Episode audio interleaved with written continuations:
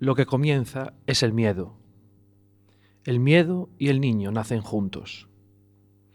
El miedo, compañero secreto, discreto como la sombra, y como ella, fiel obstinado. El miedo, que no nos abandonará hasta la tumba, a la que fielmente nos habrá conducido. He narrado esta epopeya del nacimiento y este nacimiento del miedo. Mostré al joven aventurero asaltado apenas arriesga salir de su retiro por los mil monstruos que, son las sensaciones del mundo exterior. Esas sensaciones lo esperan y lo aplastan con su estruendosa novedad. Mostré al joven héroe a punto de sucumbir, aniquilado por la sorpresa y el terror, mucho más que por el sufrimiento. E intenté indicar cómo, con un poco de inteligencia y de destreza, buena parte de esto podría cambiarse. Y después, me han preguntado, ¿qué hay después de los primeros días, de las primeras semanas? Es cierto, las pruebas no han terminado. El niño va a encontrar nuevos monstruos. Nuestro argonauta deberá librar otros combates. Para comprender bien lo que esto significa, volvamos atrás una vez más. Frédéric Le Boyard, el arte tradicional del masaje de los niños.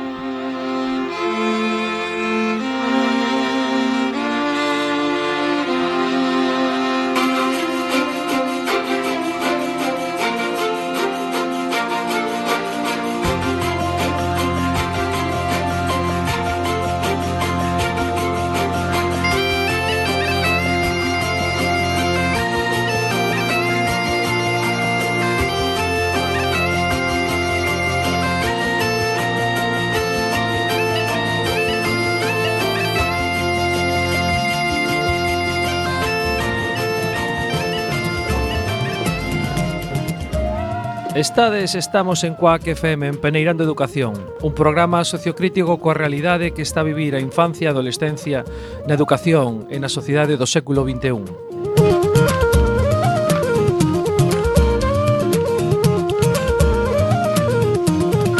Estamos en directo na 103.4 da frecuencia modulada. Tamén podes escoitarnos en directo a través da internet na web de quackfm.org e cando queirades no podcast que tamén está nesta web de Quack FM, na ficha do noso programa Peneirando Educación ou instalando a app de iVox.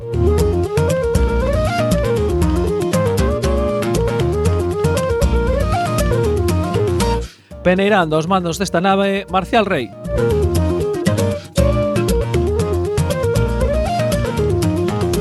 Nos micros, o que lles fala, Fernando Sueiro.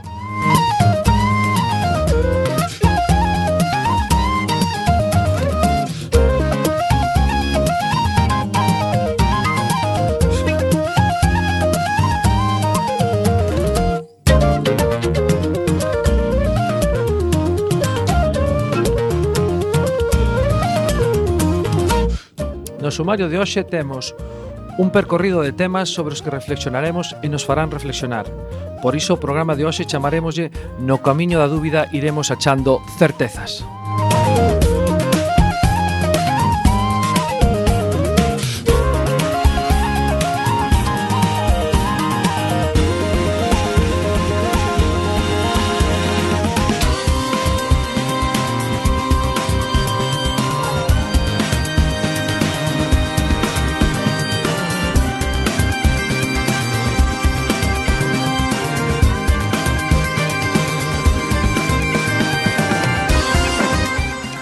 reflexións que achegaremos serán en relación ao aire libre, a saúde, a natureza e a infancia, saúde.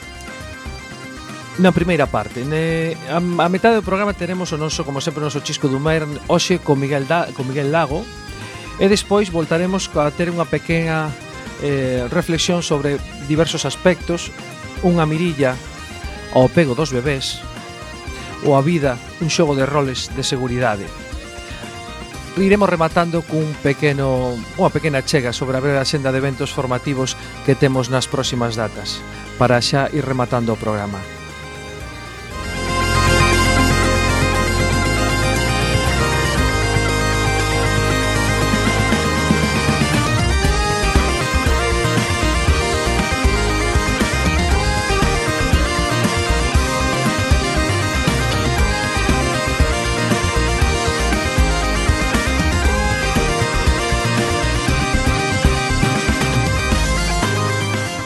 Lembrade, podedes enviarnos as vosas opinións en directo por WhatsApp o 644 73 7303. E comenzamos xa.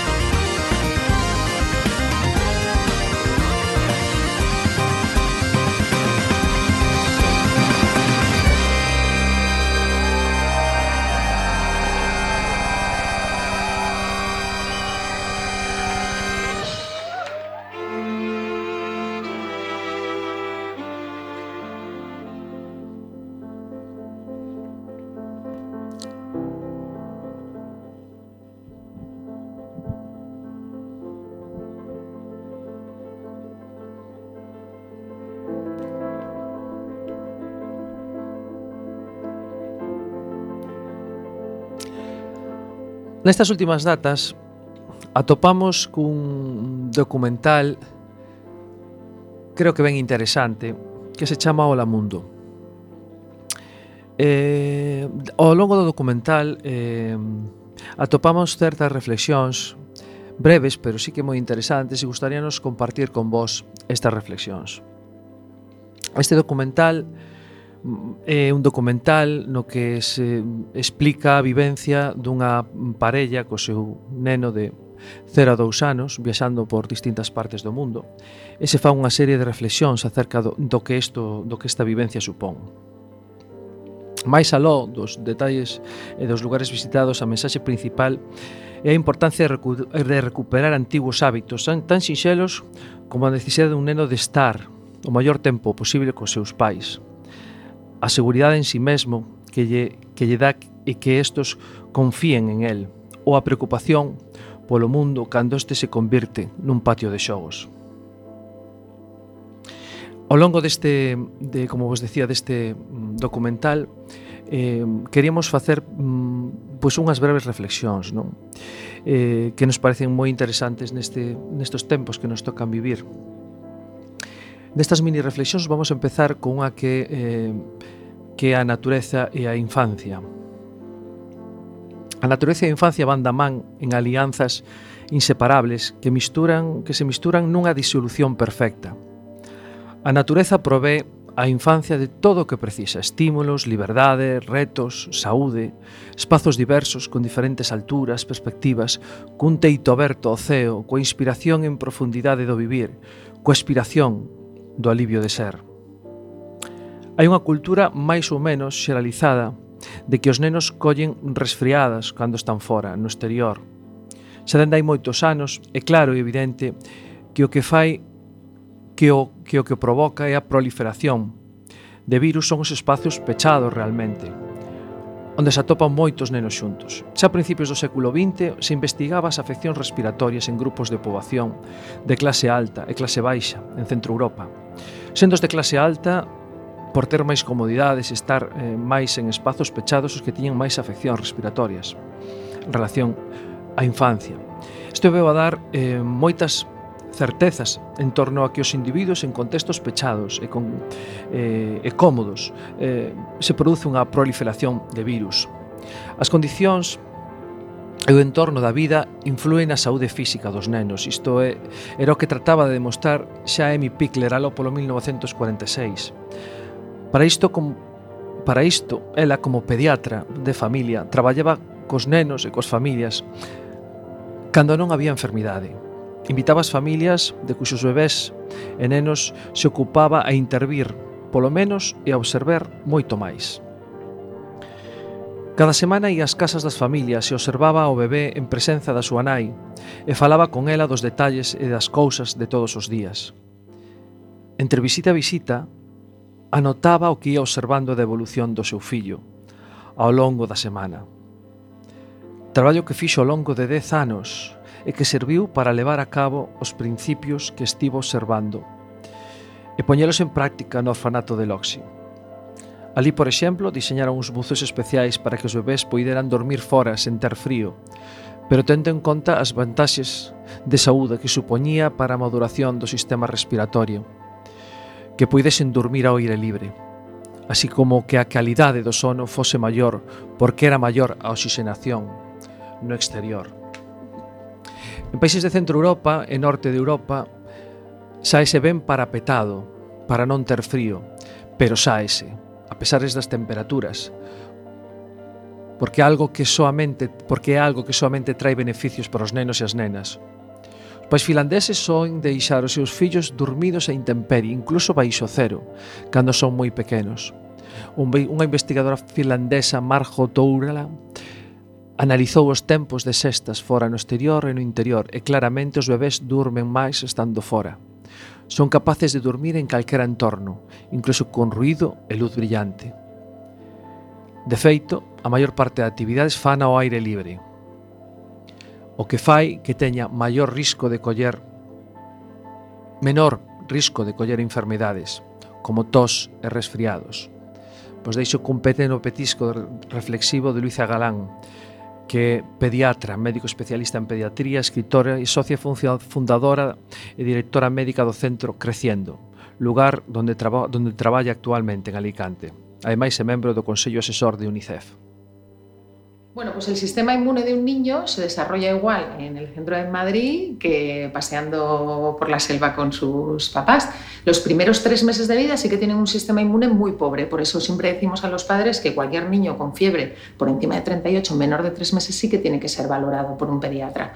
A partir de esa edad, es verdad que esos primeros tres meses la inmunidad la, la recogen de su madre a través del embarazo, pero a partir de esa edad ya su sistema inmune se empieza a fortalecer y alrededor del año ya son capaces de defender frente a la inmensa mayoría de las infecciones con las que se enfrenta cualquier niño. A veces los padres no quieren viajar o no quieren hacer cosas extraordinarias por temor a las infecciones y sin embargo los escolarizan precozmente en escuelas infantiles. Lo que nos dice la ciencia es que los niños escolarizados antes de los tres años triplican el riesgo de enfermedades, tanto respiratorias como gastrointestinales. ¿Por qué? Porque las infecciones, yo siempre digo, no se cogen en el recreo, no se cogen en el patio y no se, no se suelen coger en el exterior ni en los parques. Las infecciones más habituales de la infancia se cogen en entornos cerrados, con lo cual un cole, una clase, un aula con 25 críos es el, lugar de cultivo ideal para que los gérmenes se repliquen rápidamente y se contagien. ¿Qué podemos hacer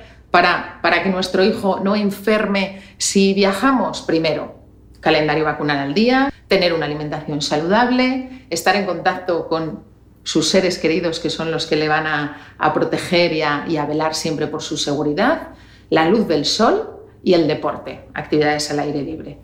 Por encima de eso, la fiebre la tratamos igual, en el centro de Madrid, en la playa en Alicante, en el Death Valley o en Sudáfrica. No tenemos que tener miedo a la fiebre, la fiebre es simplemente un mecanismo de defensa de nuestro organismo. Es decir, cuando entra un agente extraño, lo primero que hace es elevar la temperatura. ¿Por qué? Porque al germen, al virus, le gusta reproducirse a temperaturas bajitas, 36, 36 y medio. Nuestro cuerpo, como es muy listo y lo sabe, eleva la temperatura para frenar al bicho. Y por otro lado, la elevación de la temperatura lo que hace es estimular a nuestro sistema inmune, toca la puerta de nuestros leucocitos y les dice, chicos, que hay que luchar contra este germen. ¿Nos preocupamos ante una fiebre? No nos preocupamos, nos ocupamos. ¿El niño tiene buen estado general? Tranquilos todos, estemos donde estemos. El niño tiene mal estado general, tiene dolor, está decaído, entonces tratamos la fiebre. Por eso siempre los pediatras decimos tratamos el malestar y no tanto la fiebre. El niño juega, canta, come, tiene buen color, tranquilidad.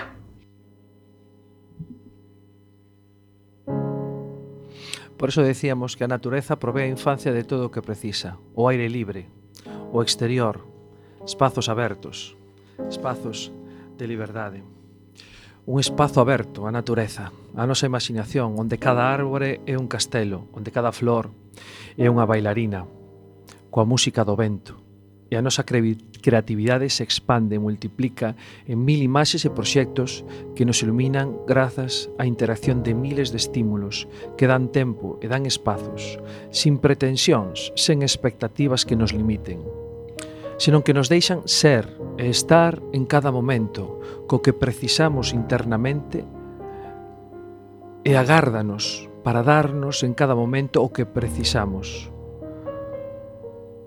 É a ferramenta que sempre dá resposta ás necesidades, porque somos natureza e pertencemos a ela. Ela é a que nos deixa expresar o noso interior a través de manifestacións culturais que nos axuden a poñer imaxes a este interior, palabras ao noso interior, música ao noso interior.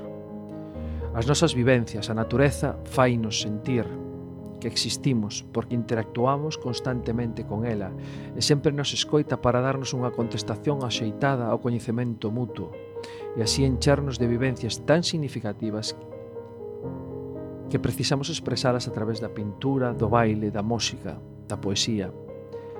Emocións vividas convertidas en sentimentos que precisan ser expresadas. As bases son as vivencias existencialistas que nos dá a natureza porque marcan os retos continuos para adaptarnos ao contexto natural, onde a curiosidade, o medo, o interese, a motivación, a motivación por observar, experimentar, coñecer e saber son elementos que están continuamente presentes a través das hipótesis que nos propoñemos internamente, que manifestamos e compartimos cos nosos iguais. Buscando evidencias e certezas a través do ensaio e do erro, das nosas hipótesis un mesmo con outros, reproducindo e repetindo continuamente unha vez constatada a hipótesis empíricamente a través de ser reproducida novamente, repetida novamente, acción tras acción, supón a publicación con entre os nosos iguais para sentirse, sentirnos recoñecidos e valorados, un mesmo e polos iguais. O máis importante é que isto dase de maneira natural na natureza un método científico que ten como reto non só o poñer a funcionar todas as nosas potencialidades, dun e con outros, senón a nosa vivencia motivada polo contexto natural que en sí mesmo ten todas as posibilidades e probabilidades de motivar o desexo de coñecer e aprender do neno porque pertencemos á natureza.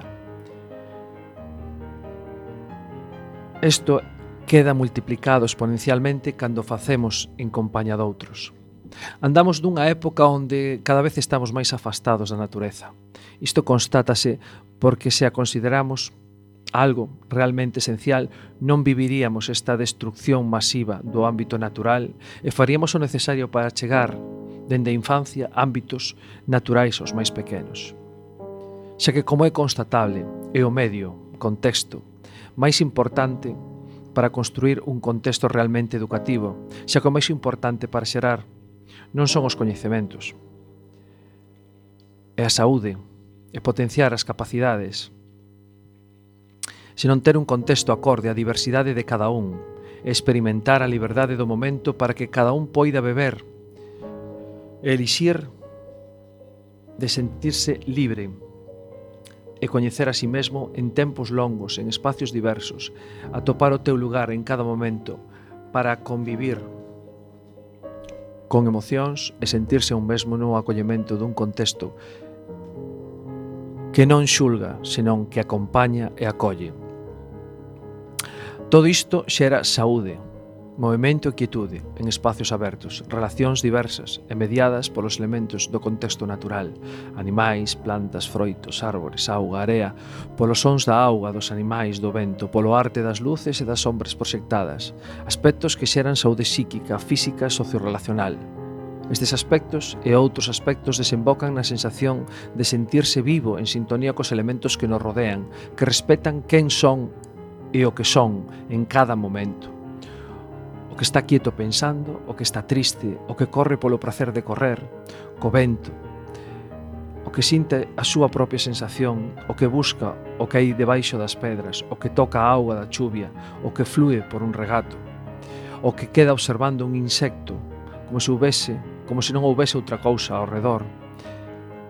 Está ela soa con aquela flor e o insecto que hai dentro dela. Podríamos pasar recitando, e ilustrando en Haikú ilimitado situacións que se dan na natureza. O importante e necesario é poder xerar e recuperar contextos naturais e estamos destruindo a natureza e a infancia. Recuperemos o que é noso como especie. Ahora vos poñemos un petisco da reflexión de Katia Hueso, que é cofundadora e cogestora del proxecto Grupo de Naturaleza Saltamontes de aquí quero eh, pois eh, nada máis que poñer en valor todas aquelas novas iniciativas que se están levando a cabo en relación a escolas na natureza. É bióloga, docente e nai comprometida en temas de sostenibilidade, medio ambiente e conservación da natureza. Vos deixo con Katia Hueso. Eh, cuando hablamos del contacto con la naturaleza, de la infancia, los viajes, creo que es muy importante distinguir dos cosas. Una es el juego como herramienta que nos permite conectar con la realidad, el juego como tal, el juego libre en este caso, y la permanencia en la naturaleza y el, juego en, la naturaleza. El juego en libertad lo que nos va a dar es una posibilidad de desarrollarnos como personas que va más allá de, de lo que nos dirigen habitualmente. El juego en libertad es un camino que recorremos entre la exploración, la búsqueda del placer, la creatividad, para llegar finalmente a, hacer un juego un poco más arriesgado cuando ya tenemos la madurez y la capacidad para ello. Y a través de eso pues somos capaces de encontrar nuestros límites, de encontrar eh, los límites de nuestra zona de confort y explorar más allá de ellos. Al hacerlo en libertad, lo hacemos en el momento en el que nos encontramos seguros y cómodos para, llevarlo a cabo.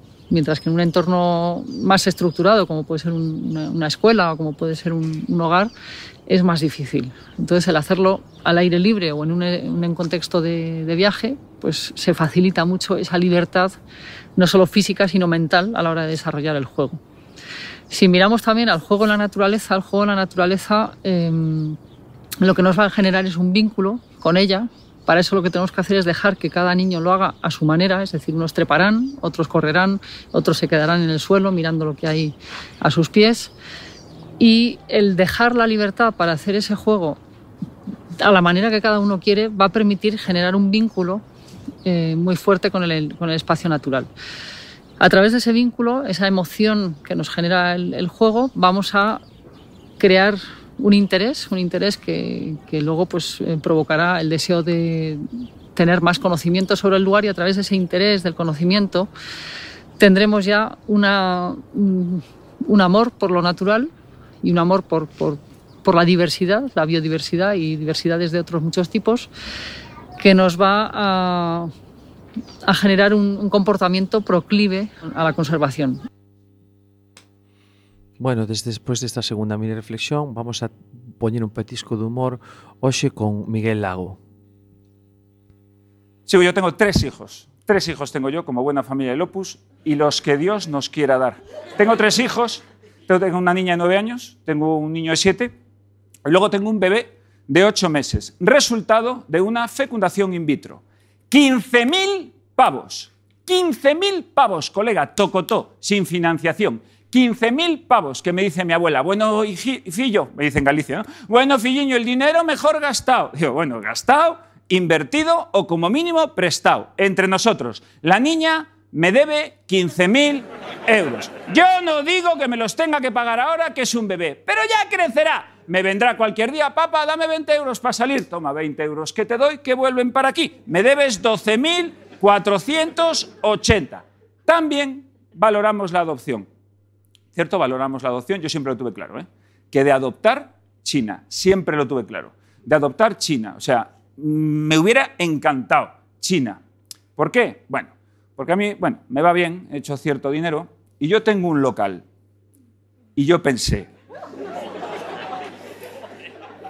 yo he hecho aquí unas estanterías y a la niña le doy un futuro que además siempre me hizo a mí ilusión tener un bazar chino. Bazar chino, Jin Hong Lago. Es una cosa que me hacía a mí ilusión. Ojo, y que yo soy un hombre preocupado por el futuro de sus hijos. Pero ¿cómo no lo voy a estar? ¿Cómo no lo voy a estar? Que a mí, a mis hijos les tengo que explicar, hijos, jodido lo lleváis.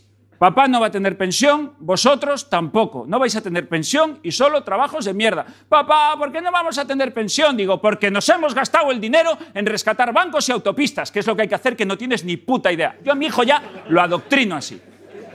Y me dice, pues tendremos que estudiar más. Tampoco vale para gran cosa. Niños que estáis viendo Movistar a la una de la mañana, no estudiéis. No estudiéis, no vale para nada. Y mucho menos el modelo que hay ahora. Lo voy a decir claramente. Ahí voy. Para que esto se corte y quede esta frase. Me cago en el bilingüismo siete veces. Bilingüismo, puta mierda. Bilingüismo, puta mierda. Ahí está. Claro. No, hombre, no. Miguel, no seas ignorante, que el inglés es muy importante. Pues que les den tres horas de inglés cada mañana. No cojas el inglés de lengua vehicular, no les enseñes eh, ciencias naturales y sociales en inglés, porque no se enteran de nada. De nada, las partes de la flor en inglés. Mire usted, las partes de la flor en inglés no se las saben ni los ingleses, ni los ingleses. ¿Qué, me estás contando? Lo que hacen es que como los niños no se enteran, reducen la cantidad de la materia a la nada. Les están enseñando cuatro mierdas, cuatro mierdas. Y sale Esperanza Aguirre con todo su papo y dice cuando se retira, ¿de qué está usted orgullosa, presidenta? Dice, yo de lo más orgullosa que estoy es del bilingüismo. Nos ha jodido, compara el bilingüismo con la púnica, el canal de Isabel II y escaparte por la Gran Vía, tú fast, tú furious, pues el bilingüismo, claro, el bilingüismo te ha quedado de puta madre. Venga, hombre, no vale para nada, para nada. Para nada, porque tampoco me garantizan que los niños vayan a aprender inglés. Pon que lo aprendan, estupendo. Niños que saben inglés y no saben nada más. Magnífica generación de camareros para la Costa del Sol que estamos preparando, para que atiendan a los guiris cojonudamente bien. Que no me vale, que no me vale. Mira, termino. Yo creo firmemente en que nos merecemos una enseñanza pública de calidad de calidad y no esta mierda elitista que solo sirve para que salgan adelante los niños cuyos papás tienen dinero para pagarle un campamento en el Reino Unido durante el verano. Solo sirve para eso. El resto, el resto se tienen que joder. Y mi hijo me lo dice, papá, ¿y qué vamos a hacer? Pues yo sigo manteniendo a mis hijos en un colegio público. ¿Por qué? Por coherencia, porque es lo que nos merecemos. ¿Que mis hijos van a ser unos putos ignorantes? Por supuesto, pero ¿y lo coherente que es su padre? ¿Eso dónde queda? ¿Dónde queda? ¿Qué me va a decir, papá, no sabemos ni leer ni escribir? Bueno, pues a trabajar al bazar chino de vuestra hermana. Es lo que hay. Muchas gracias, amigos. Buenas noches. Gracias.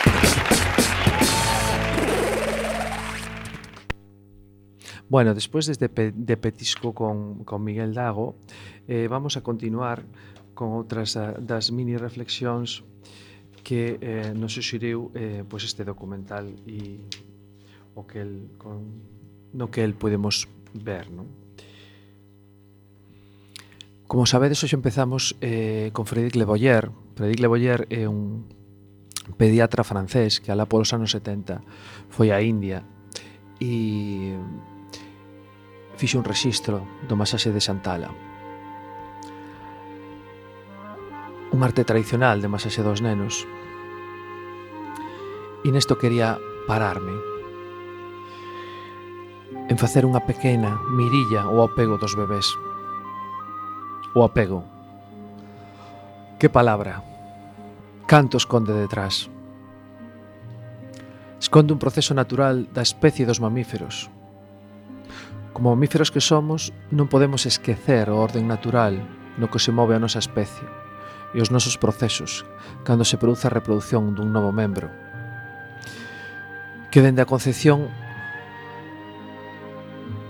hai un ser vivo que xa aos cinco meses, de maneira xenádica, se cadra, xa sinte percibe antes, comeza a percibir sons, e comeza a interaccionar coa súa nai e co mundo exterior dentro do útero.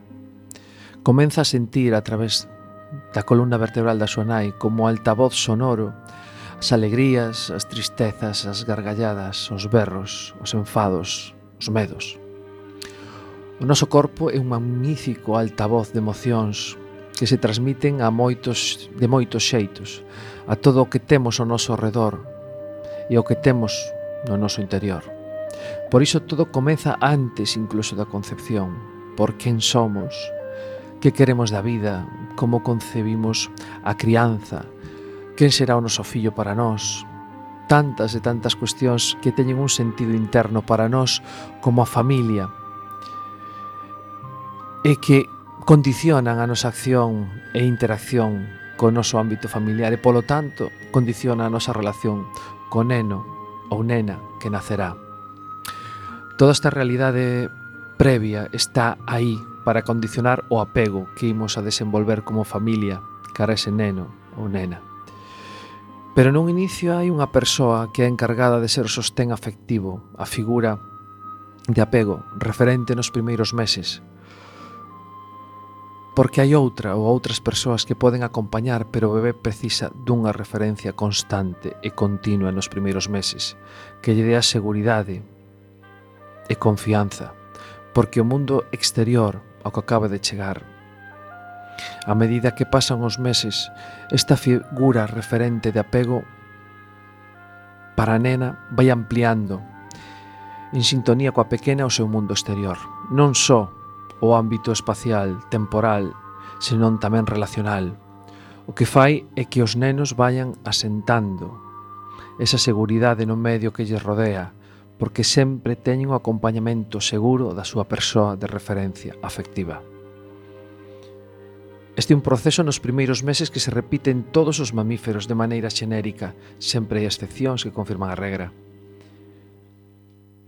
Esta moi breve disertación sobre un proceso tan complexo supón unha breve constatación a día de hoxe e que ven fraguándose nestes últimos 50 anos, que é a artificialización das nosas necesidades, xeramos un contexto sociolaboral que vai en contra da primeira infancia e da súa saúde. E isto ten repercusións moi graves ao longo do desenvolvemento dos nenos e da construción dunha sociedade. A patoloxía campa sus anchas por estes vergeles de artificialismo xerado para exprimir humanos a todo a, para exprimir humanos para exprimir humanos a outros humanos polo seu propio interés. Sen darse conta estes da gravidade da situación e incluso atopándose moitos destes humanos contentos nun claro síndrome de Estocolmo ou de alineación absoluta baseada na mala información e ou desinformación coas medidas de conciliación tomadas para poder compatibilizar o seu ámbito laboral co persoal, pois que saiban que o apego e a crianza non se concilia. Se está ou non se está, Ben é certo que hai situacións que obrigan a moitas familias a non ter opcións, pero isto é aínda máis grave, porque se produce un sentimento de abandono e de frustración que é preciso de manexar para que nos afecte o menos posible e afecte o menos posible a bebé. Dar contextos a esta man de obra para que poida suplir estas necesidades socioeconómicas, tendo un traballo no que se precise deixar ao seu bebé en institucións que fan o que poden, nalgún caso, para suplir a ausencia do apego, que recordamos é o elemento esencial da estabilidade emocional. A estabilidade emocional é saudable dun bebé e sobre isto se construí, se construe todo o que virá despois. Patoloxía. Terrible, infame. Quen pensa realmente no bebé? Suplimos a nosa carencia co artificialismo dunha institución. Despois veñen os síntomas. Un bebé que non para de chorar porque xa non ten peito. O tempo, a atención exclusiva non atén da súa figura de referencia de apego saudable. Temos tempos e tempos chorando sen colo, tendo que agardar sen entender os tempos de agarda. O bebé é a inmediatez e, polo tanto, a disponibilidade exclusiva vivindo unha dobre realidade de como é o mundo, na súa casa, na institución, os tempos, os espazos, as relacións son diferentes e provoca diferentes situacións. Emocións, diferentes situacións e emocións e van construindo sentimentos ambiguos onde a seguridade é moito máis complexa de conquerir. Hai que mirar a natureza e a orden natural da nosa especie de mamíferos en comunidade Ahora vos vou a poñer un petisco no que fala Alberto Soler, que é un psicólogo que ten que máster en psicología clínica e da saúde, especialista europeo en psicoterapia, e ten máis de 12 anos de experiencia neste ámbito da, da propia psicoterapia. Colabora no programa Ser Saudable da cadena Ser eh, e, do, e do proxecto Xestionando Fillos e é profesor da Escuela Bitácoras. Autor de diversas obras eh, ten o videoblog de píldoras de psicoloxía. Eh, vos deixo con este petisco de Alberto Soler.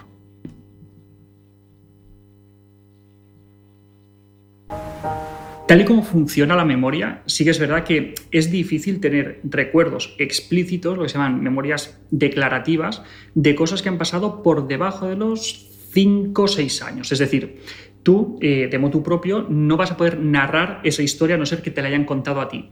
Pero la forma en la que funciona la memoria no es solamente esa. Es decir, hay muchas formas diferentes de recordar y muchas vías diferentes de recuerdo. Una es esa, son las memorias explícitas o, declarativas. Pero hay otro tipo de recuerdos, hay otro tipo de, vivencias. Y por eso es tan importante lo que ocurre durante los primeros años de, de vida. Asociamos de una manera implícita que no sabemos nosotros explicar personas con sensaciones, acontecimientos con emociones. Entonces, si por ejemplo nosotros durante nuestra primera infancia tenemos experiencias vitales muy positivas, eso se queda grabado durante todo nuestro desarrollo. Si por ejemplo, por el contrario, mm, nuestros padres o la gente que nos cuida nos trata mal, creamos una asociación muy peligrosa, que es que la gente que te quiere también te hace llorar, también te trata mal. Y después, sin tú saber muy bien por qué, pues a lo mejor te ves que una vez y otra y otra y otra te estás metiendo en relaciones emocionales muy chungas con gente que dice que te quiere mucho pero te trata fatal. No sabes por qué actúas de esa manera, pero muy probablemente lo que has vivido en la infancia puede explicarlo. Entonces, que no se va a acordar explícitamente, no te va a contar aquel viaje que hizo o aquel año que pasó, se va a acordar por las fotos y las cosas que nosotros le contemos, pero todo lo que ha vivido con esas relaciones y esas experiencias tan cercanas con sus padres construye la base de todo su desarrollo. Hace muy poquito se ha publicado un estudio, una revista súper prestigiosa que es la JAMA Pediatrics, que tiene una muestra de más de 6.000 niños y es un estudio eh, que se ha hecho durante muchos años. Eh, en, humanos, contar con muestras de, más de 6.000 es, una, es una barbaridad. ¿no? Pues en este estudio lo que se ve es que hay una relación dosis-respuesta entre los acontecimientos eh, vitales positivos, es decir, experiencias vitales positivas, con una protección en el futuro, por ejemplo, frente a depresión o, frente a otros problemas mentales. Y de hecho, estos eventos positivos durante, durante la infancia llegan a compensar los eventos negativos que se han podido vivir. Es decir, las decepciones, eh, incluso pues, si ha habido un tema de acoso, acoso escolar, eh, alguna crisis familiar, pues cuando hay un suficiente número de acontecimientos vitales positivos, llegan a compensar los acontecimientos vitales negativos. Es decir, que para que un niño esté bien no basta con que no le pasen cosas malas, sino que es necesario que viva cosas buenas. ¿Qué cosas buenas? Pues entre ellas es tener figuras de apego que se preocupen por él, tener figuras independientemente de, su familia a las cuales les importe, sentirse realizado, sentir que pertenece a, un núcleo familiar, sentir que se es tenido en cuenta. Este tipo de, experiencias positivas que luego cuando son adultos recuerdan y retrospectivamente pues pueden decir, sí, yo viví estas cosas, se ha visto que tienen una capacidad de protección frente a los acontecimientos vitales negativos enorme. Bueno, despois deste cachiño de Alberto Soler, vamos coa última mini reflexión. Que a vida un, un xogo, xogo de roles. Moitos xogos de rol. A vida é un xogo de rol.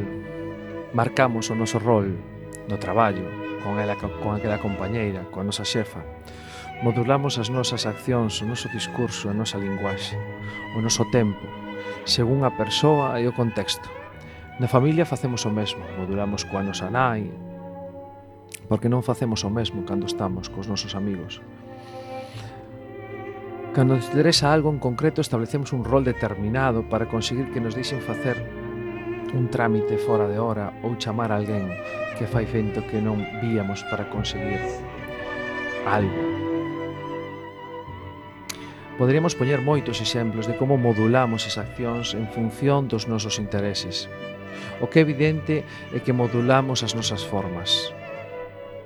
A mirada, a sonrisa, o ton de voz, a xestualidade, toda unha serie de instrumentos que facemos soar para xerar unha sinfonía emocional na procura dunha reacción por parte do outro que nos satisfaga as nosas pretensións e expectativas. Por iso, coa infancia se produce o mesmo. Modulamos a nosa interacción en función das nosas expectativas, dos nosos medos, das pretensións, das inquedanzas, das nosas incertidumes. Por iso é necesario facernos conscientes de todas estas emocións e sentimentos que temos para modular o noso rol e representar un papel de nai, pai, educadora que analice o que facemos cos nenos e por que e para que o facemos. Darse conta de que o neno é un ser que ten que aprender facendo, vivindo, experimentando, co acompañamento sempre do adulto, cando o neno o precise, para mediar en aquelas cuestións que o neno necesite e que non saiba resolver por si sí mismo se non ten esta mediación. Pero a chave da conformación deste rol é ser consciente de quen é o outro, neste caso o neno e o momento evolutivo no que se atopa, así como liberar o neno das nosas expectativas, dos nosos medos, das nosas inquedanzas, das nosas incertidumes, das nosas pretensións. A seguridade é un termo que foi trocado moito ao longo destas últimas décadas, convertíndose na infancia no contrario que educar, na inseguridade, a nivel xenérico. Non deixamos os nenos que caian. Se caen xa estamos recolléndoos sen pararnos a observar que pasou e se realmente precisa ou non a túa axuda. Polo que eles construen unha pauta conductual que consiste en que, sexa ou non realidade, construen un rol no que modulan a súa acción. Unha acción de ter a atención constante do adulto, porque foi o adulto o que lle foi ensinando, e precisa reafirmar esta seguridade non por si sí mismo, senón pola mirada do adulto que ten a carón. En vez de manexar a frustración por el mesmo e continuar co que estaba a facer, xogar, recorrendo un camiño, collendo algo, estes roles vanse construindo nesta obra de teatro chamada Vida. Cada un ten o seu papel e o desenvolve en función de como conformou a relación, de como se conformaron as relacións. Un dos exemplos máis gráficos é cando deixamos os nenos libres nun parque e desto vai nos falar agora nun petisco Álvaro Bilbao que é un neuropsicólogo pero como di el, pero sobre todo son pai. Vos deixo con Álvaro Bilbao. Mira, hay una cosa que me gusta siempre explicar a los padres y es que cuando un niño tiene que tomar decisiones por sí solo, cuando no está bajo la constante supervisión sobre protección de los padres, lo que ocurre en su cerebro es que se activa la corteza orbitofrontal, que lo que hace es que el niño se sienta responsable de sus propias acciones. Sepa que lo que él hace es lo que va a tener consecuencias. Y esta es una zona muy importante porque activa todas las regiones frontales del cerebro, que son las últimas que hemos desarrollado evolutivamente y que nos permiten tomar mejores decisiones, nos permiten tener más autocontrol, algo que los padres siempre quieren que sus hijos vayan desarrollando, nos permite resolver problemas mejor. Cuando el niño se siente responsable, es capaz de actuar como un niño un poco mayor de la edad que tiene el niño, porque está poniendo toda su atención en aquello que está desarrollando o que está haciendo. Por eso, pues los niños que crecen en el parque sin la constante supervisión de los padres son niños que trepan mejor, son niños que suben mejores a los árboles, son niños que también son mejores a la hora de resolver conflictos con los compañeros porque han aprendido a, resolverlos por ellos mismos. Y por eso es importante que los niños crezcan en un ambiente con menos sobreprotección. Vivimos en una sociedad en la que tenemos a los niños muy protegidos. Nos preocupa que les pase todo tipo de cosas, queremos controlar lo que hacen en todo momento, les llevamos al cole todos los días, que es importante para su desarrollo, pero cuando salen del colegio queremos también tenerlos controlados y decirles lo que tienen que aprender en las extraescolares y los momentos que nosotros decidimos. Cuando viajamos fuera de lo que es la sociedad occidental, de Europa, de Estados Unidos, vemos que los niños aprenden habilidades de una manera muy distinta. Se hacen grupos muy grandes de niños en los que aprenden, juegan, disfrutan y eso por una parte es un ahorro de tiempo para los padres, pero por otra parte es una fuente muy grande de confianza para los niños. Por eso es muy importante que empecemos a entender que los niños necesitan nuestra seguridad. Pero ¿cuándo necesitan la seguridad? Cuando nosotros eh, estamos disponibles para cuando nos lo piden. Es decir, cuando el niño se cae y se hace una herida, tenemos que estar ahí para curársela. pero no tenemos que estar ahí antes de que salga la herida diciendo te vas a caer, te vas a hacer daño. Hay un estudio muy bonito que se hace en una serie de parques que hay en, pues en Holanda, en Estados Unidos, que se llaman Adventure Playground, y en estos parques en los que no se permite la entrada a los padres, hay menos accidentes que en los parques tradicionales, convencionales, donde los padres están constantemente diciendo a los niños eso de no te subas ahí, ten cuidado, vete más despacio, porque cuando decimos eso el niño pone atención en nuestras palabras y no en lo que está haciendo y es ahí cuando ocurren los accidentes, pero sobre todo lo que ocurre es que el niño desarrolla menos esa habilidad pues, para prestar atención a las cosas, para estar concentrado, para tomar buenas decisiones y resolver problemas por sí mismo.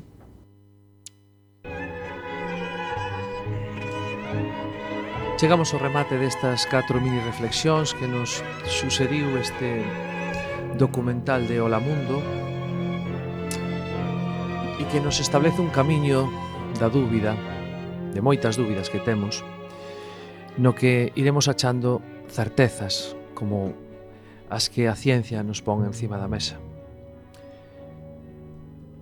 Gustaríame eh, achegarvos neste caso eh, simplemente os recursos se queredes obter máis información destos catro especialistas eh, que é Lucía Galán, que foi a primeira que escoitamos, eh, que tedes eh, luciamipediatra.com donde podedes atopar máis información. Despois tedes tamén a Katia, a Katia Gobeso que non atopamos unha web concreta de, de ela, pero sí que hai cousas na rede interesantes sobre a súa escola. E despois tamén tedes a, Alberto Soler, que sen albertosoler.es podedes aí ver eh, distinta información e, e o videoblog de píldoras de psicología que ten. E por último, a alvarobilbao.com, donde ten un montón de artigos ben interesantes eh, que nos poden axudar moito a estos aspectos de reflexión. Sen máis, imos pasar a, a seguinte parte que, bueno, pues todos os eventos formativos que vamos a ter en breve na, na nosa comunidade e fora da nosa comunidade. Comenzamos coa parte de, de formación.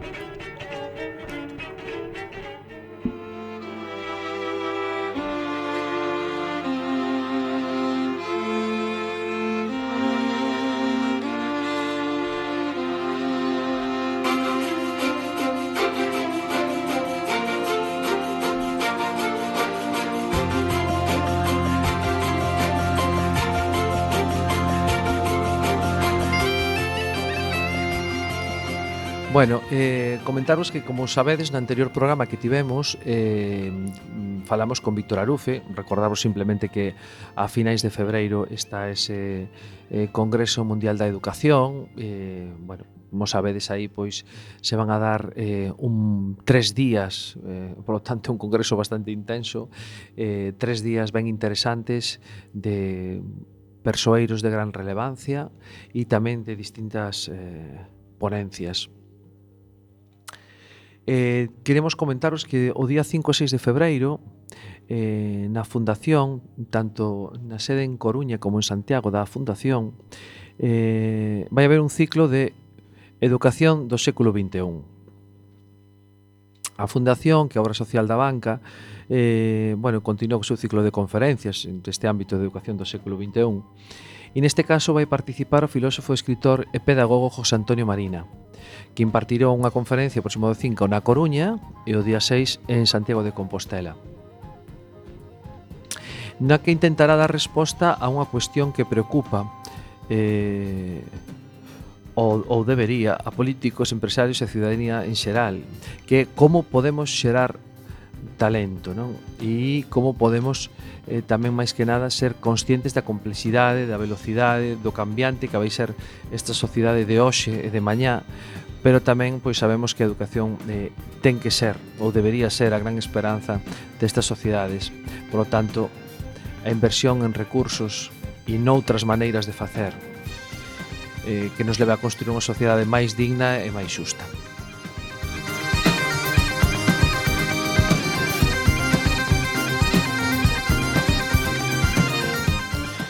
Despois temos un poquinho máis adiante, eh, pero tamén en Santiago de Compostela, que este ano, mm, pois a verdade é que está sendo un punto de referencia de, mm, de grandes eventos ao ámbito educativo, o 17º Congreso Nacional e noveno Iberoamericano de Pedagogía.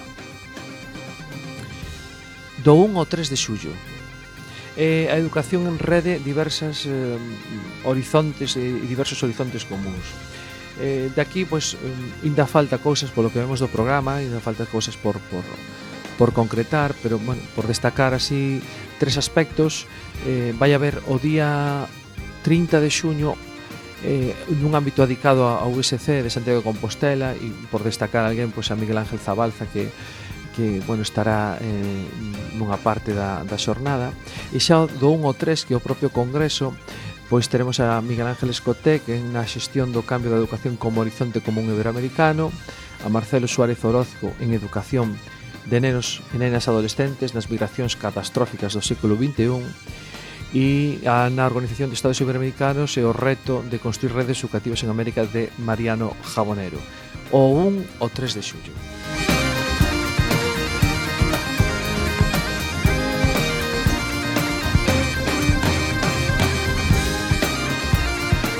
Eh, esquecíame engadir que tamén estará Estefanía Giannini da UNESCO pois falando un pouco da Xenta 2030, tanto os desafíos como as propostas que se establecen para esta para esta xenta.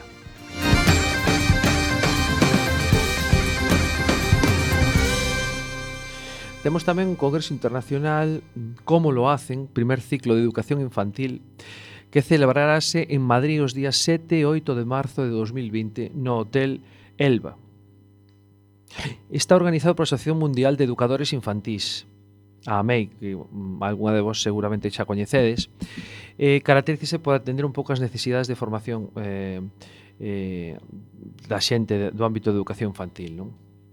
Neste caso, eh, realizouse un estudo detallado de diver das peticións non que chegaron ao comité organizador para facer o, do con, para facer neste congreso anual específico exclusivamente para o primeiro ciclo de educación infantil eh, bueno, laborouse un pouco unha xenda onde se tocan os temas máis de máis actualidade e máis importantes para eles. Eh, e se intenta facer polo que ven na información de un punto de vista o máis práctico posible. Así de, co, bueno, co objetivo de aplicalos o, na, na aula non? eh, teremos así a nivel destacado un pouco a neuroeducación, educación infantil de Ares González Hueso, teremos pois un pouco un ámbito de eh, des, traballar cos nenos xogar a pensar eh, pois tamén estará Javier Romero co ámbito da coordinación motor e funcións executivas eh, Tamara Chubarovsky en relación ás rimas eh, mimos para os máis pequenos. Eh, eso día 7 de marzo e o día 8 pois un pouco eh, traballo con mesa de luz eh, matemáticas intuitivas en dos cero anos e estará para un pouco para rematar pois Mar Romera en relación co benestar emocional do docente e dos nenos.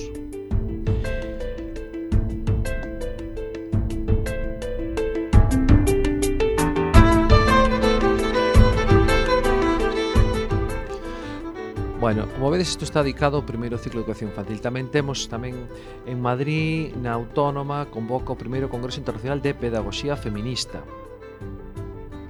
O 9 de marzo mm, se dá este primeiro Congreso Internacional de Encoeducación e Pedagogía Finista. Eh, pois daránse a coñecer un pouco ferramentas educativas que existen para traballar a igualdade de xénero nos centros educativos. E o Congreso está organizado por un grupo de docentes da propia facultade e un pouco eh, def defenden que existe unha gran necesidade social por reivindicar a coeducación e esta pedagogía feminista nos centros educativos e na propia formación inicial. E isto será, como vos decía, o 9 de marzo, primeiro Congreso Internacional de Coeducación e Pedagogía Feminista.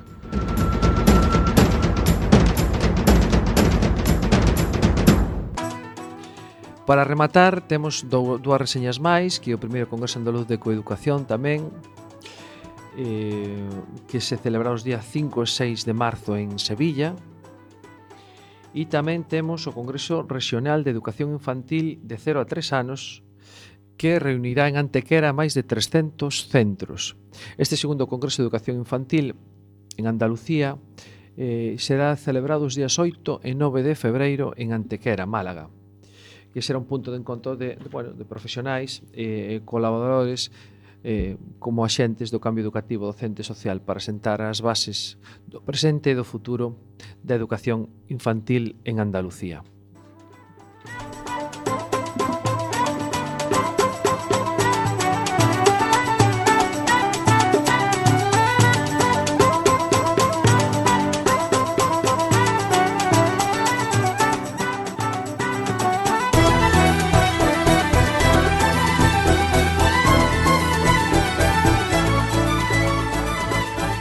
Chegamos ahora ao final do, do programa con un pouco esta reseña de diversos congresos e eventos formativos que agardo que será da vosa, do vosso interese nos vamos recollendo o que vamos atopando, se atopades algún, algún algo que querades que pues, traslademos no sei do programa, pues, tedes o noso correo electrónico peneirandoeducación.gmail.com así como calquera outra colaboración que queirades facer con este programa eh, a nivel de, de compartir eh, o, que, o que queirades, como se si queredes vir estes micros e eh, falar dunha temática concreta. Estamos abertos a calquera tipo de, de opción que nos, que nos dallades. O tema é contribuir conxuntamente e, e seguir construindo conxuntamente.